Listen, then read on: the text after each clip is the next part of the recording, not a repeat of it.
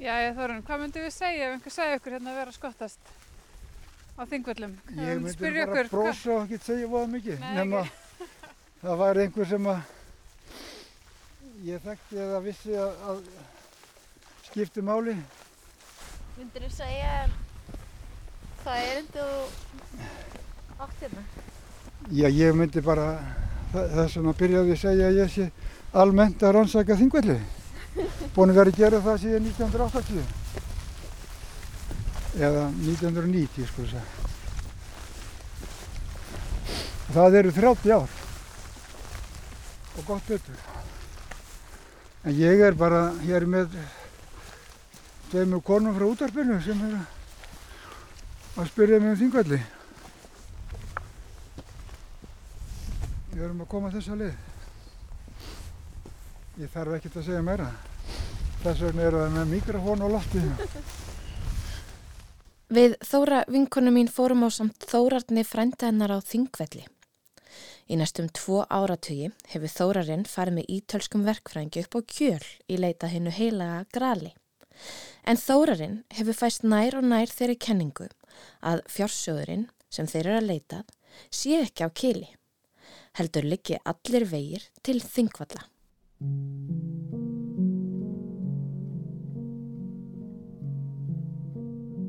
Ég heiti Halla Ólafsdóttir og með mér er Þóra Hjörleifsdóttir. Þú ert að hlusta á leitina, fymta þátt. Huglega gralið. Það eru heldur betur búin að vendingar í sig hjá okkur Þóra. Já, algjörlega. Og þetta er alveg svona smá uppáldi mitt þegar það koma svona óvantar beigur í frásögnum. En eftir öll þessi ár hérna upp á kili að þá var Þórarinn bara farin að efast meira og meira um að þetta gæti í alvörinni verið staðurinn. Hann var náttúrulega búin að vera að spá í jarfræðinni og aðstæðanum hann upp á kili. Mm. Sem voru ekkert beint hendur til að keima pappisrúlur eða handrit. Nei, ég meina þau væru klárlega bara löngu ónýtt ef þau hefðu einhvern tíman verið geimt þar niður í jörðinni. Og þegar Giancarlo var farin að heimta bara stærri gröfur og stærri hólur og þá hugsaði Þóraðan líka bara að það væri ekkert vit í þessu. Þú veist, það voru engar gröfur eða vélar sem hægt voru að nota fyrir hann 800 árum þegar þessi mustursittar átt að farið hann upp yfir. Nei, ég veit. Og Þórarinn, hann heldur að felustæðurinn þannig á kili sé ekki endilega rángur staður. Heldur er hann meira velta fyrir sér og kannski bara komin á þá skoðun að hann gegni frekar hlutverki sem einhvers konar hernaðaleg blekking. Jafnvel að musturiþrittara sem að koma hingað og fara bara á þingvöld. Þeir hafa sendt leiðangur landmenningamanna upp að kjöl til að búa til sögu um gerfistað sem var sko settur fremst á sviðið til þess að, að draga menn þanga svo þeim ditt ekki hug að leita á þingvöld. Beint fyrir rjóma nefið á heimamenn. Auðvitað gætt Giancarlo ekkert sætt sig auðvitað við það að hann væri búin að leggja þetta allt á sig til þess að fylgja í raun fölskum leiðbenningum upp á kjöl. Maður skilur það alveg. En svo fannst hún samt bara sjálfsagt að taka nýju stefnu í leitin þegar David Heath kom og fekk vitrun. Já, ég finna að ég vil áarpa þetta. Giancarlo getur bara ekki ímynda sér að Dante hafi sett alla þessa vinnu í að skrifa þetta episka ljóð sem var svo bara blekking í kringum blekkingu. Mm. Þannig að fyrir Giancarlo var David alveg innan skekkjumarka en þegar Þórinu fór að tala um þingvelli að þá var það bara gjörsamlega út úr kortinu fyrir honum. Og eitthvað nátt bara eitthvað alveg nýtt. Já, algjörlega. En Þórarinn, hann er raun og veru bara að taka afstöðu til hvaða heimildir ættu að stýra leitinni. Að því að Dante bendir vissulega á kjöl, en Íslendingarsaga Sturlu Þórðarssonar talar um 80 erlenda herrmenn sem voru með snóra Sturlu sinni á þingvöldum. Giancarlo var ennþá með allan sinn fókus þarna upp á kili. Mm En Þórarinn, hann hafði verið að vinna að sinni eigin rannsók svona á hliðalinni í daldin tíma og honum tókst smám saman að teikna upp mynd af atbyrðarásinni sem átti sér stað þegar að musterisittar komið til Íslands árið 1217. Allavega eins og hann síðan fyrir sér. Mm Og okkur tókst að sannfara Þórarinn um að taka okkur með í leiðungur á þingvelli. og sína okkar aðeins hvað hann er búin að vera að grúska. Já, og þegar við vorum á leiðinni að þá stoppuðum við upp á hæð í Moselsdal þar sem við sáum vel yfir. Og við horfum hérna niður yfir Moselsdalin, neðaverðan. Og við sjáum út á sundin yfir á viði og við sjáum ekki, þarna, þerni og álsnesi, fremst á álsnesi.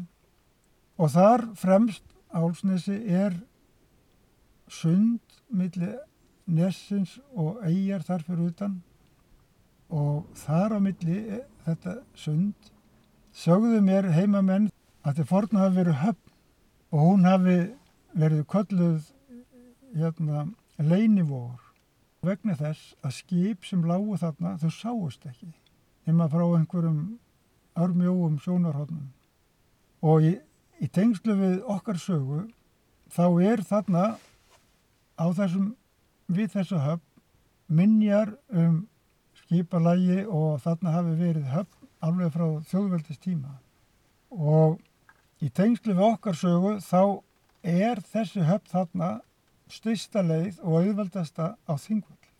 Það er sett í þessum leinivogi sem Þórun heldur að musterisritararnir hafi komið og lent skipum sínum og það hafi bara ekkert margir vitað af því að þau sáust ekki. Og frá þessari höfn er ekki með 30 km á þingvöld eða ein dagleið og þeir hefði gett að fara hérna handan við mósfællið og hér upp og við sjáum, ef við horfum hérna yfir hvað þetta er og hefur eiginlega verið aðal þjóðlegin yfir sko á þingvöld og er reyðleiðin í dag hjá hestamennum og auðveld leið alveg niður á þingvöld og mjög fáfarin, það eru bara eini, einni eða tveir bæir á þessari leið. Og ef að menn eru í húminu síðsumars eða að hausti þegar farið er að skikja og þú ert eh, kilometr eða svo frá bæ hvort þið er þá sér þig enginn. Fólk er komið í hús og er ekkert með stóra klukka til að horfa yfir landslagið í kring. Þannig að hér eru kjör aðstæðu til þess að flytja viðkvæmt og sem engi má sjá og engi má vita um frá höfn og á felustad á þingvöldum og það bara á einni nóttu -hmm. og engin vissi nokkuð tíman hvað hafa farið fram nema þeir sem að framkvæmdi verkið. Og það var líka sko tilgangur alls þessa verkefnis. Það var að fara svo laumulega engin myndi vita hvað þið var að gera allan tíma. Því það lág við bara jafnveg líf þeirra sjálfra og, og orðlög bara menningar og sögu kristninnar að þetta kemist ekki upp hvað þeir væri með í farungri sínu með þessi menn.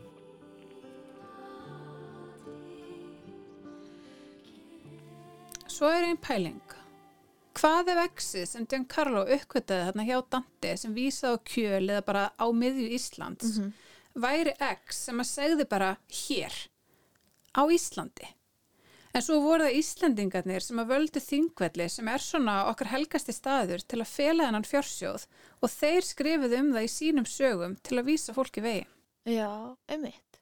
Og Þóran Frendi, hann er í grunninn mjög praktískur og hann fór líka bara svona spá í logistíkinni. Þú veist bara að finna út hvernig musturisritararnir hefðu gert þetta allt saman þegar þeir komið til Íslands.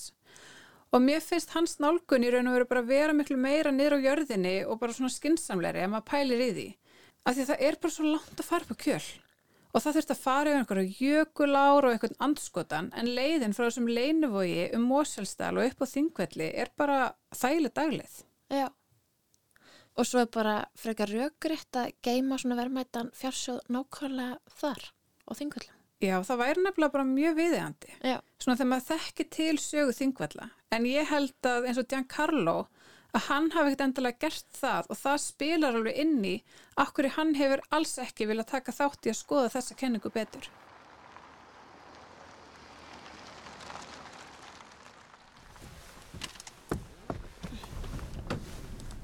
Hérðan fyrir við. Fallegt viður í dag. Dásamlegt viður. Þingvöldum.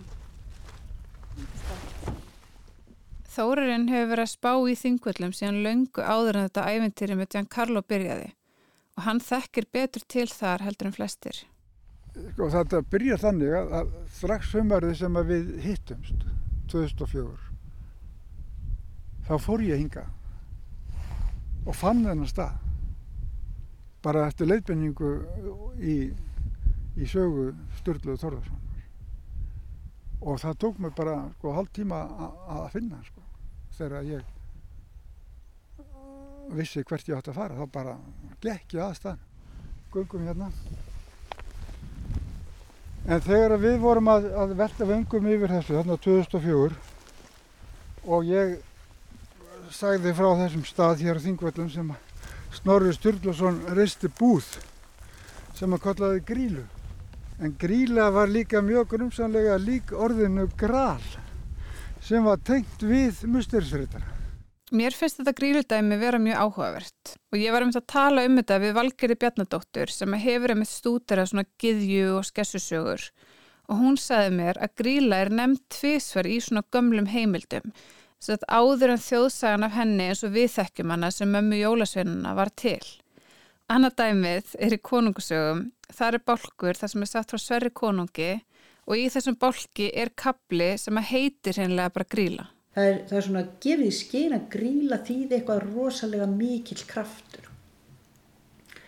Og svo er hitt að, að Snorri Sturluson hérna kallaði búð sína á þingvöldum grílu, búðir sínar. Og þannig að þar virðist í báðum tilvökum, sem þessar elstu heimildir, benda til þess að þetta hugtak gríla, hvað sem það þýtti í þeirra huga, ég veit ekkert um það, en það hefur verið eitthvað máttugt og, hérna, og eitthvað sem gott að hafa með sér. Í setni tíð er grílæm þessi ríkalega skessa sem við eigum ekkert að hugsa of mikið um. Veist, við eigum bara að haga okkur og halda börnunum okkar frá henni og mér finnst hún eiga það svolítið sameigilegt með Marju Magdalenu af því hún er líka svona mögnu kona sem er eitthvað hættulegt að tengja sig of mikið við. Skilur þú hvað ég meina? Já, algjörlega. En það er líka sameigilegt að vera eitthvað svona máttuðar konur og kvennskurungar. Já, og kannski bara jafnvel eitthvað ennþá meira að því í gamla daga þá hefur gríla mögulega bara verið tákn fyrir, þú veist, hvern orkuna sjálfa. Þannig að þegar Snorri gerir þessa grílubúð að þá er hann ekkert að hugsa eitthvað svona, ég ætla að láta þetta heita grílubúð að því að þá er allir svo hrættir að því að ljóta vonda gríla er hér og þá þorur enginn að koma. Heldur hefur hann mögulega bara verið að hugsa, þú veist, Ég nefnir þetta eftir grílu að því hún er eitthvað máttugur hvern vættur sem að heldur verndarhendi yfir okkur hérna.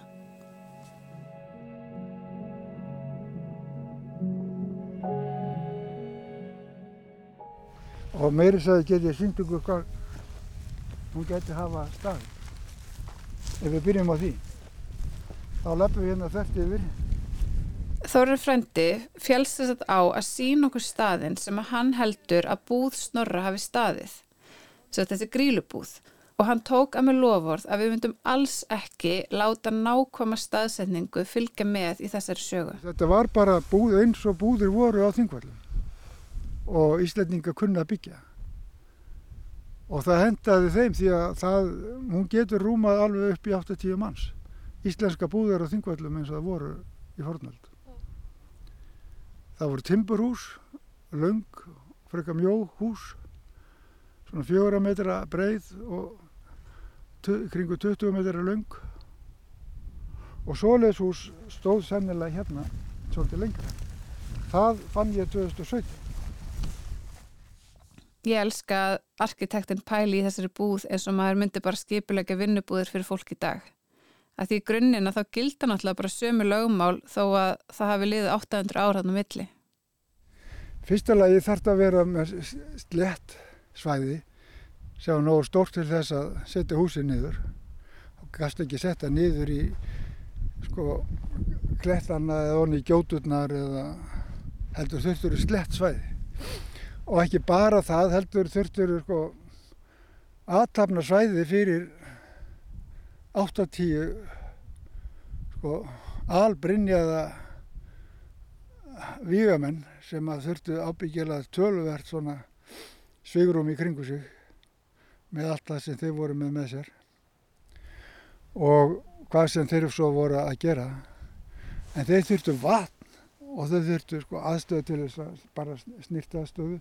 Og umfram allt sá ég fyrir mér að þeir myndu vilja vera eitthvað þar sem að þeir væri ekki sko í allar augum að væri ekki allar að horfa á það enda samkvæmt sögunni gerist það að þeir bara hverfa og sjást ekki meir og kom ekkert meira við sögu.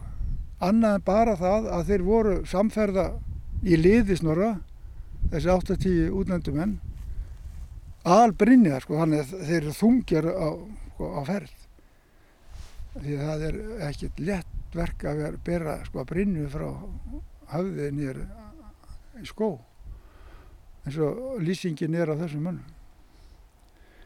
Og þeir sem sagt bara fara að þessari búð sem að Sturla segir að Snorri hafi reist á þingvallum en hún, hann segir ekkert af hverju Snorri reisti þessa búð Það er alveg svolítið vesen að komast á hana staðna á þingvöllum. Þetta er ekki beint í alfara leið en þetta er heldur ekki langt í burtu frá þeim stöðum þar sem að bara hundrir ferðamanna hrúast á hverjum einasta degi. Einmitt. Þannig að það var svolítið svona gaman að fá að vera að flækist þarna með þóratni og við vorum öll einhvern veginn með þetta lindarmál en svo bara einhvern veginn svona rétt hjá okkur voru svo bara einhverju túristar að taka selfies. Já, og þyrla í útsinsflugi. Já, Og svo líka bara kom ótrúlega mikið óvart þegar við vorum allt í hennu bara komin á staðinn og Þórinn bent okkur á þennan slétta flöt sem var þarna inn á milli þúpnana.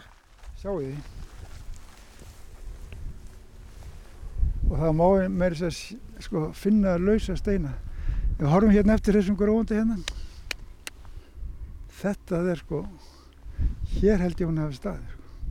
og hér hafi verið sléttasvæði til þess að vera undir staði undir búð Ég hef nú aldrei skrifað þetta, hvort þetta sé kringu 20 metrar hérna út af, og þessari þúfuna hérna, það eru bara í byrni röð. Það er af því það eru steinar hérna í þessu, sko. Mm. Sem að voru undir trjám sem lág hérna þvert yfir og svo var gólfsett ofan á það. Einn, hvað er þetta? Þrý, lóð, fimm, sex, sjö, átta, níu, tíu, ellu, tól, þrætt. 14, 15, 16, 17, 18, 19, 20 kemur ekki óvart. Og þetta er nákvæmlega starð á einum fornu búðum. Þannig að þetta er það sem að mig grunar. Að það sem að leitar hér í þessu, hann finnur leifar undan fornri búð. Pæltu í því hvaða var áhugavert ef það yrði grafið þarna og það myndi bara koma upp alls konar eitthvað svona rittaragós. Já. En þarna á þessum slétta fleti myndi samt fjársjóðurinn sjálfur ekki vera. Nei. Því Þórarinn hann heldur að musturisitarinnir hafi falið fjársjóðin í kletti þarna rétt hjá. Þessi klettur hér, hann er bara eins og þúsundar annara kletta á þingvallum. Og alla gjóturnar, teldu bara alla gjóturnar á þingvallum sem að, að koma til greina. Og, og, og það finnur þetta enginn sem ekki veit hvert hann á að fara. Það síndi sig að fann það enginn. Ég var skoðu klettin. Gerum það. Þórarinn fór með okkur að kletti sem var rétt hjá grílubúð en undir þessum kletti og meðfram honum er sprunga. Ekkert eitthvað svona mega djúb sprunga, maður getur alveg farið niður í hana. Og þessi klettur er allir þakin skófum sem eru svona hvítar og gular steinaklessur. En Þórarinn sínd okkur að á einum stað á þessum kletti eru engar skófir, heldur er kletturinn bara svona hreinn og dökkrár og þar stendur út svona mjög ábyrjandi þrýhyrndur steinn. Hérna á kabla, sjáu þið, eru enga skófur. Það er eins og þær hafi verið högna burt. Og það sem horfir hérna inni, ef- þegar þetta er svona vafflaga form, þetta er nákvæmlega í læginu eins og skildir mustæðisveitara. Og hvað er á skildinum?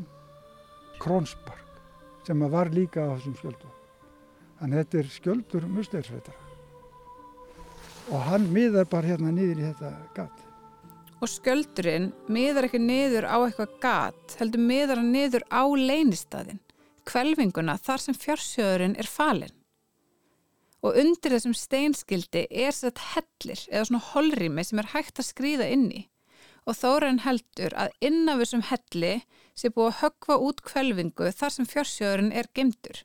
En til þess að komast inn að þá þurfum við að færa til þú veist svona grjótleðslu sem er aðna sem að loka fyrir kvelvinguna og ég prófaði að skrýða þarna inn í hellin til að skoða þetta hans betur Varstu komin eitthvað djúpt þarna inn undir Þóra?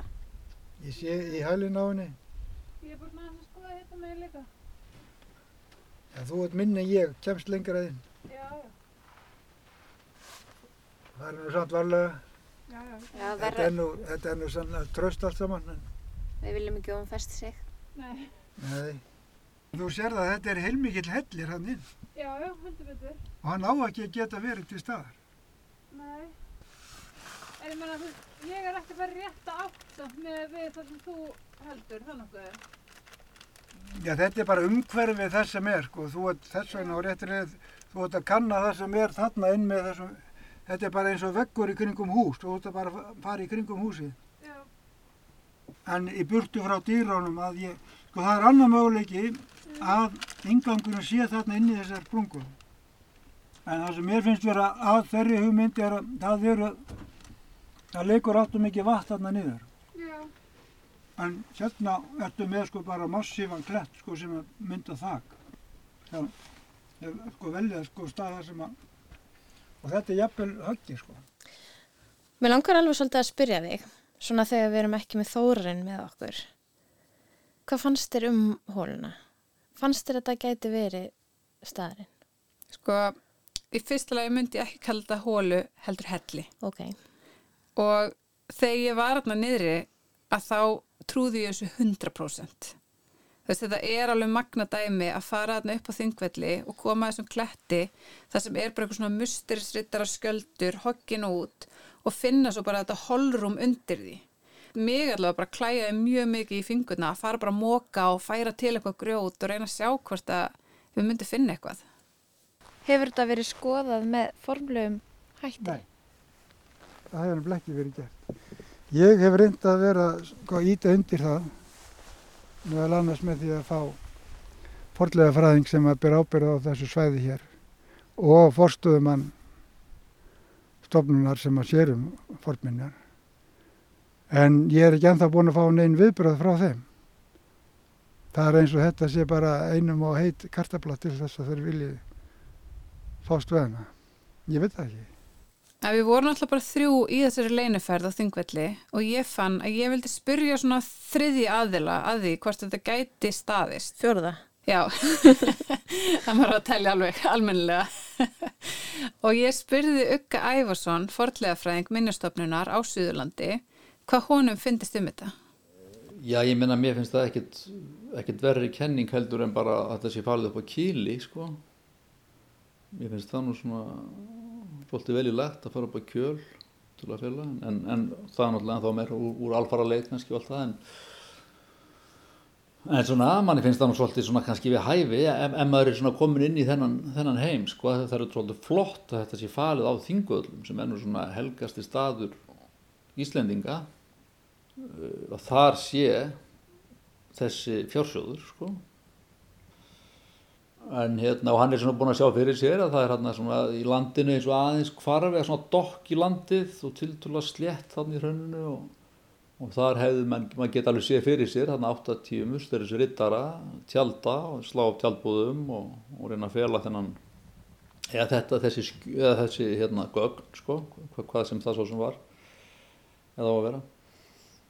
En, en svo finnst mér reyndar bara svona út frá mínu, bara sem forðlega að mér fannst það ekkit endilega sko, borðleikjandi að þetta væri manngert sko, veist, það er allt í gjám á þingvöllum og og ég, ég sá engan mun á þessu frekar er næstu gjá sko. ég gæti ekki séð að væri þarna einhver mannaverk á. Ég gæti ekki séð það. Já, en ég meina hvað þyrfti eiginlega að gerast, þú veist, hvað þyrfti maður að gera ef maður vildi reyna að rannsaka þetta, að skoða Sko- þetta eða að kíkja þetta onni, já, já, sko, þú verður bara, ég meina þetta var alveg sniðut að hérna, eins og að fá í þessu tilviki mig, þú veist, til að svona koma og skoða þetta, svo ég bara svona viti um hvað það snúist og svona. En þá væri næsta skref eins og fyrir þó Þórarinn segjum að, að hérna, að hann myndi finna sér forlega fræðing til þess að taka þessi verkefni. Af því að maður fær ekki leifi til forlega rannsóknar nema að þú sért með forlega fræða mentun þannig að það væri fyrsta skref og svo náttúrulega var það bara undir honum komið hvort hann reyna að sækjum í þennan forminni sjóð eða, eða borga það sjálfur eða redda einhverjum styrtraðilum eða hvað sko. Það kemur okkur í sjálfur ekki við. En myndi þið ekki setja ykkur eitthvað á móti ef að, ef að eitthvað svona operasjón fer í gang? Nei, menn ekki öllu jöfnu, ekki nema við bara segðu okkur þætti þetta bara ekki verjandi út frá bara róf hættu, þú veist, eða það veri hættulegt að fara eitthvað að krukka þarna í og það geti eitthvað klettur fallið eða, eða þetta væri, þú veist, hreinlega skemmt á umhverfinu, þá var nú þá meira kannski umhverfistofnun sem myndi nú segja eitthvað við því, sko. En svona öllu jöfnum við bara alls ekkert setja okkur upp á móti því. Svo fremið að umsóknin sé bara góð og gild, skilur. Þetta sé bara forleðafræðingur með mentun og reynslu og þá þarf að setja fram rannsóknarspurningu og tímaáætlun og verkáætlun og kostnaráætlun. Og, veist, þetta er bara rann í segðublad, sko. Og ég meina að því gefnu að það sé bara allt eins og það á að vera, þá náttúrulega myndum við ekki setja- okkur upp á móti svona rannsókn, alls ekki. Ok, þetta er alveg gerlegt sem sagt, samkvæmt ugga. En svo var Þórun að tala um að þetta væri heit kartabla. Ertu þá að tala um heila gralið ef þetta sé á Við þingvöldum? notaðum eiginlega ekkert orðið heila. Sko heilat gral er ekki til sem hlutur. Það er bara hugafari höfðu manns. En allir sko, sem eru ekki sko, þannig andlega sinnaðir sjá ekkert nema efnislega hluti. Og það er bara líka, bara ennþá dag í dag eru vísindin, eh, þau, þau viðkjanna ekki neitt nema það sem er efnislegt. Þó það sé bara, sko, rauninni tilbúningur. Ok, þannig að þarna á þingvöllum eða kili þá er á endanum eða í rauninni ekki gralið sjálft, allavega ekki sem hlutur. Já, góð spurning. Það er náttúrulega pínu vandræðilegt að við séum búin að tala um þetta svona ótrúlega lengi og svo erum við kannski ekki að leita að neinu. En það virðist klárlega að vera að þessi hópur sem við erum svona búin að vera að segja söguna af, að þau lögðu klárlega stað með það markmið að finna eitthvað efnislegt sem að er þá þessi fjársjóður. En Þórarinn og fleiri úr hópnum hafa líst í að þessi leiðungur hafi svo umbrist yfir í eitthvað annað og meira. Eins og Sofía Elena Rovati, kveikmyndagerðarkonan, sem var þarna nokkuð sömur upp á kili, hún var farin að líta þessa leit allt öðrum augum heldur en þegar hún lagði að stað fyrst. you know, the main thing is that they don't know what they're look like. He doesn't know. Speaking about Giancarlo, he doesn't know what he's looking for. So, you know, how is he gonna know whether he's found something or not? Think Þegar tali best að leit Giancarlo bendir Sofía á að hann veit ekki að hverju hann er að leita. Hún telur að eitthvað gæti verið falið upp á kili því saga kristninnar sé brotakend og fyrir viki sé klálega sveigurum til að gera nýjar uppgötanir. En í stóra samhenginu þá finnst henni að leitin og ljóð Dante snúist um spurningar um lífið.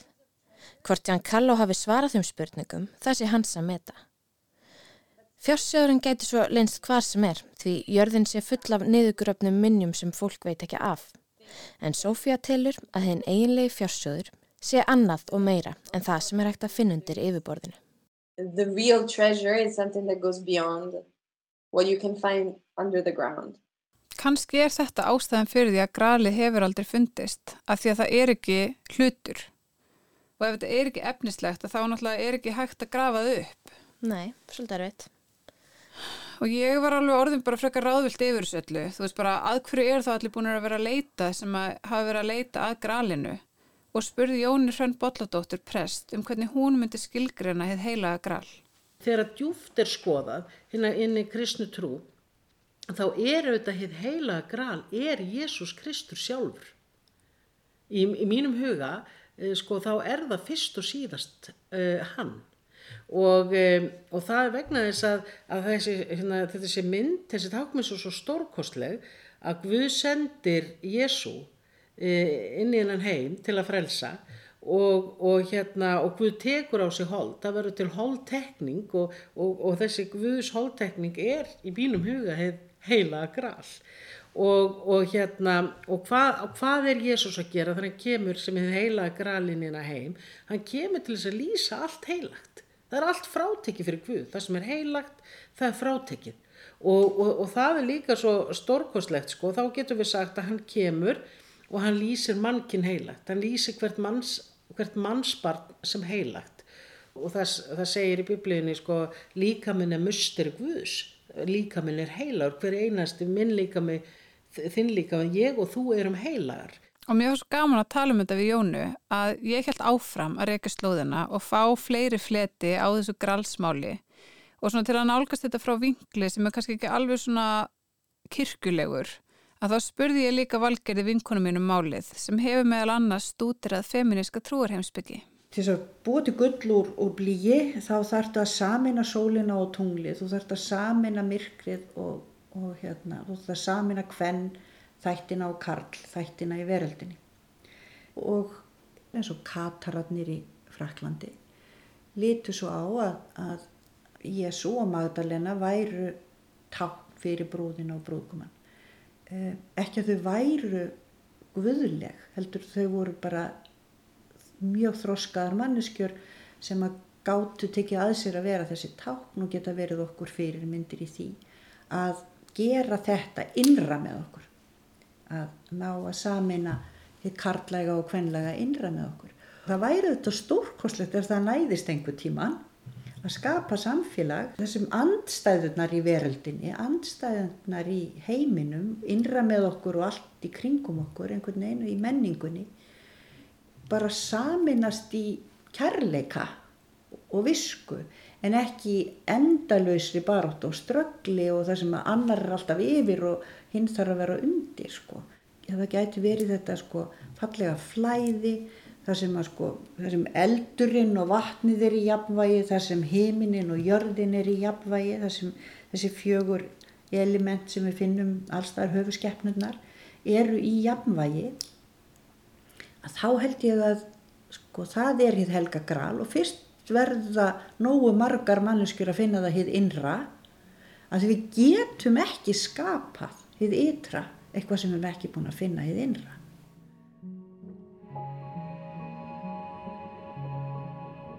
Ég held að við séum alltaf að mjagast í áttina. Mm. En ég meina, og svo eru líka bara allt einhverja beigur sem við tökum sem að afvegalega okkur kannski smá en eru klárlega hluti af ferðalæginu. Já, ég upplifa alveg þórarinn svolítið á þessari bylgjulengd að hann sé alveg svolítið þarna. Já, einmitt. Manstu hvað var ótrúlega fallegt þegar við spyrjum þórarinn frænda út í gralið þegar vorum hann í rókinu á leiðin út af grílubúð. og heila gral er rauninni það að skilja og skinja hvernig náttúrun eins og hér á Þingvöllum þar sem við stöndum með gjábrúninu og horfum yfir Þingvelli að þessi fagri heimur þetta er allt eitt samhengi einn veröld. Allt var heimur stærsta til hins mesta. Frá hímunhöttum til pöttunar í jörðinni sem er að kvikna núna ánamaðkana sem er að koma upp á moldinni. Þegar, sko, og einum fermetir eða rúmmetir af jörð sem stendur á svona grasigróni jörð það er yfir 100 miljón lífverður og allt þetta lífandi samhengi bara er eitt og þið sama. Þið stóra er eins og þið smáa. Og alla lífverður anda. Og það er andadráttarinn sem er líkillin að almættin átt að segja á því að það að þú skulle vera anda þá er, veistu það að almættið er með allan huga með það láta þið anda. Það er í þér allum stundum. Sleppur ekki af þau takin og þá er það þitt að skilja og skinja og, og, og breðast við á réttan hátt. Þá gerist úr hluthafi í almættinu. Og það er að sjá hér heilaða gral.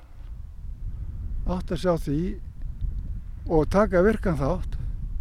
Ég verið hluti af þessu stóra samhengi tilverunar sköpunarverkinu og um þá speki og varvesla þessara speki er vantarlega það sem er falið hér á Þingvallum.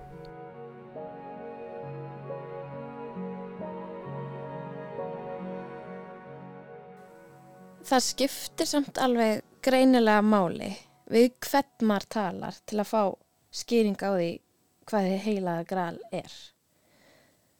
En á endanum virðist þetta samt alltaf vera svona frekar personlegt hvað þið heilaða gral er. Mm Algjörlega. Og kannski er það bara ekkert áþræfanlegt. Og ég velt alveg fyrir mér hvort að sagan af leið Þórins og Giancarlo sé í sjálfu sér ekki bara svona frekar tákgræn fyrir þið heilaða gral. Af því þeir nálgast mannkynsöguna á mjög ferskan og áhugaverðan hátt. Og mér finnst þeir búa yfir svona drivkrafti og sannfæringu sem ég held að margir myndu óska þeir hefðu í sínum verkefnum. Já. Og þú veist, þeir hafa alltaf haldið svona striki meira segja þegar ekkert gengur og enginn trúir á þá. Og samt hefur þeim alltaf tekist að finna þennan drivkraft í næst í 20 ár að vinna að þessu risastóra verkefni sem að sýnir engan mælanlegan árangur. En það er bara þessi neisti sem að logar sama á hverju gengur sem að er auðlind sem ég held að bara listafólki og frumkvöðlum og bara mannfólki almennt sér rosalega dýrmætt að heyra sögur af og bara viðhalda. Og bara þetta að búa yfir þessari trú og þessari vissu, þú veist að láta efan ekki stjórna sér, það hlýtur að þýða að þeir hafa einhverju leiti öðlast til heila gral. Já, við veist þetta fallegt. Og ætlum að geti þá ekki þannig fundið hefur heila gral bara í ótrúlega mörgu, stóru og smáu. Mm. Og þannig mætti kannski líka segja að leiðingurinn þinn og okkar sem hefur gengið út á að reyna að skilja og miðla þessari ótrúlega stóru og flóknu sögu sé kannski á einhvern hátt lítið gral, svona okkar gral. Já, það er líka fallegt. Og þó að grali sjálft sé ekki efnislegu hlutur fyrir þórarni, að þá er hann samt viss um að musterisritararnir hafi komið til Íslands á 13. öld og falið fjársjóð á þingvöllum. Þannig að hann er með ákveðið mjög afmarkað X á kortinu sem er vissulega ekki sama X og Giancarlo er með, en hans tilgáta er byggð á íslenskum heimildum.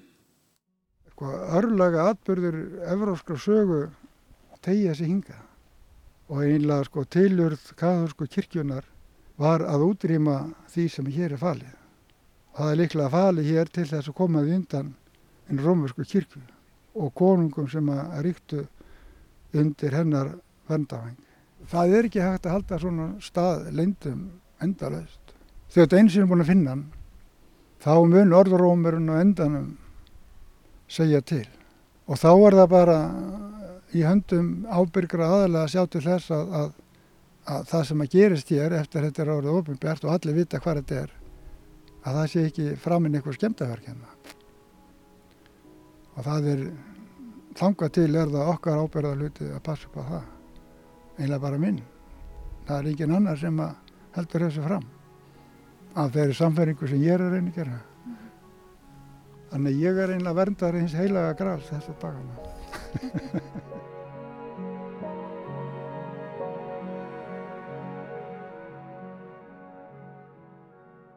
Þú varst að hlusta á fymta þátt af leitinni, heið huglæga gral.